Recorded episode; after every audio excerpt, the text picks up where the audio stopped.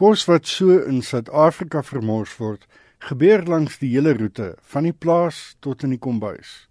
Pavitray Pillay, een van die WNF se bestuurders vir volhoubaarheid, sê daar is 'n veelheid van redes hoekom kos so verlore gaan. Food that would normally go towards human consumption um, and and it it's spoiled due to spoilage, due to spillage, due to neglect, it becomes food waste and we actually lose it from the food system. Dit is interessant dat 'n studie wat in Rustenburg in Noordwes gedoen is, wys dat in arm gebiede sowat 27% van huishoudelike afval uit kosafval bestaan. In ander woonbuurte is die syfer heelwat laer, in die omgewing van 15%. Maar dis nie oorskiet wat die probleem is nie.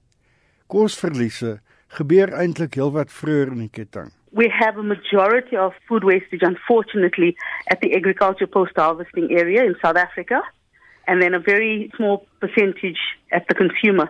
Whereas in other countries, most developed countries, most of their food wastage actually, unfortunately, actually happens at the consumer and the retailer levels.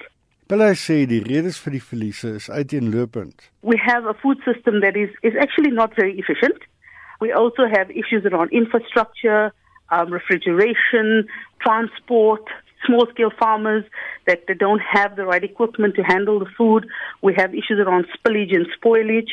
So a lot of those kind of developed, what we would call developing country issues, actually contribute to our food wastage. Sy sê die WNF het projekte geloods om mense in te lig oor kosvermorsing. We can look along the entire supply chain. So WWF South Africa, we, we're working with small scale farmers around this issue.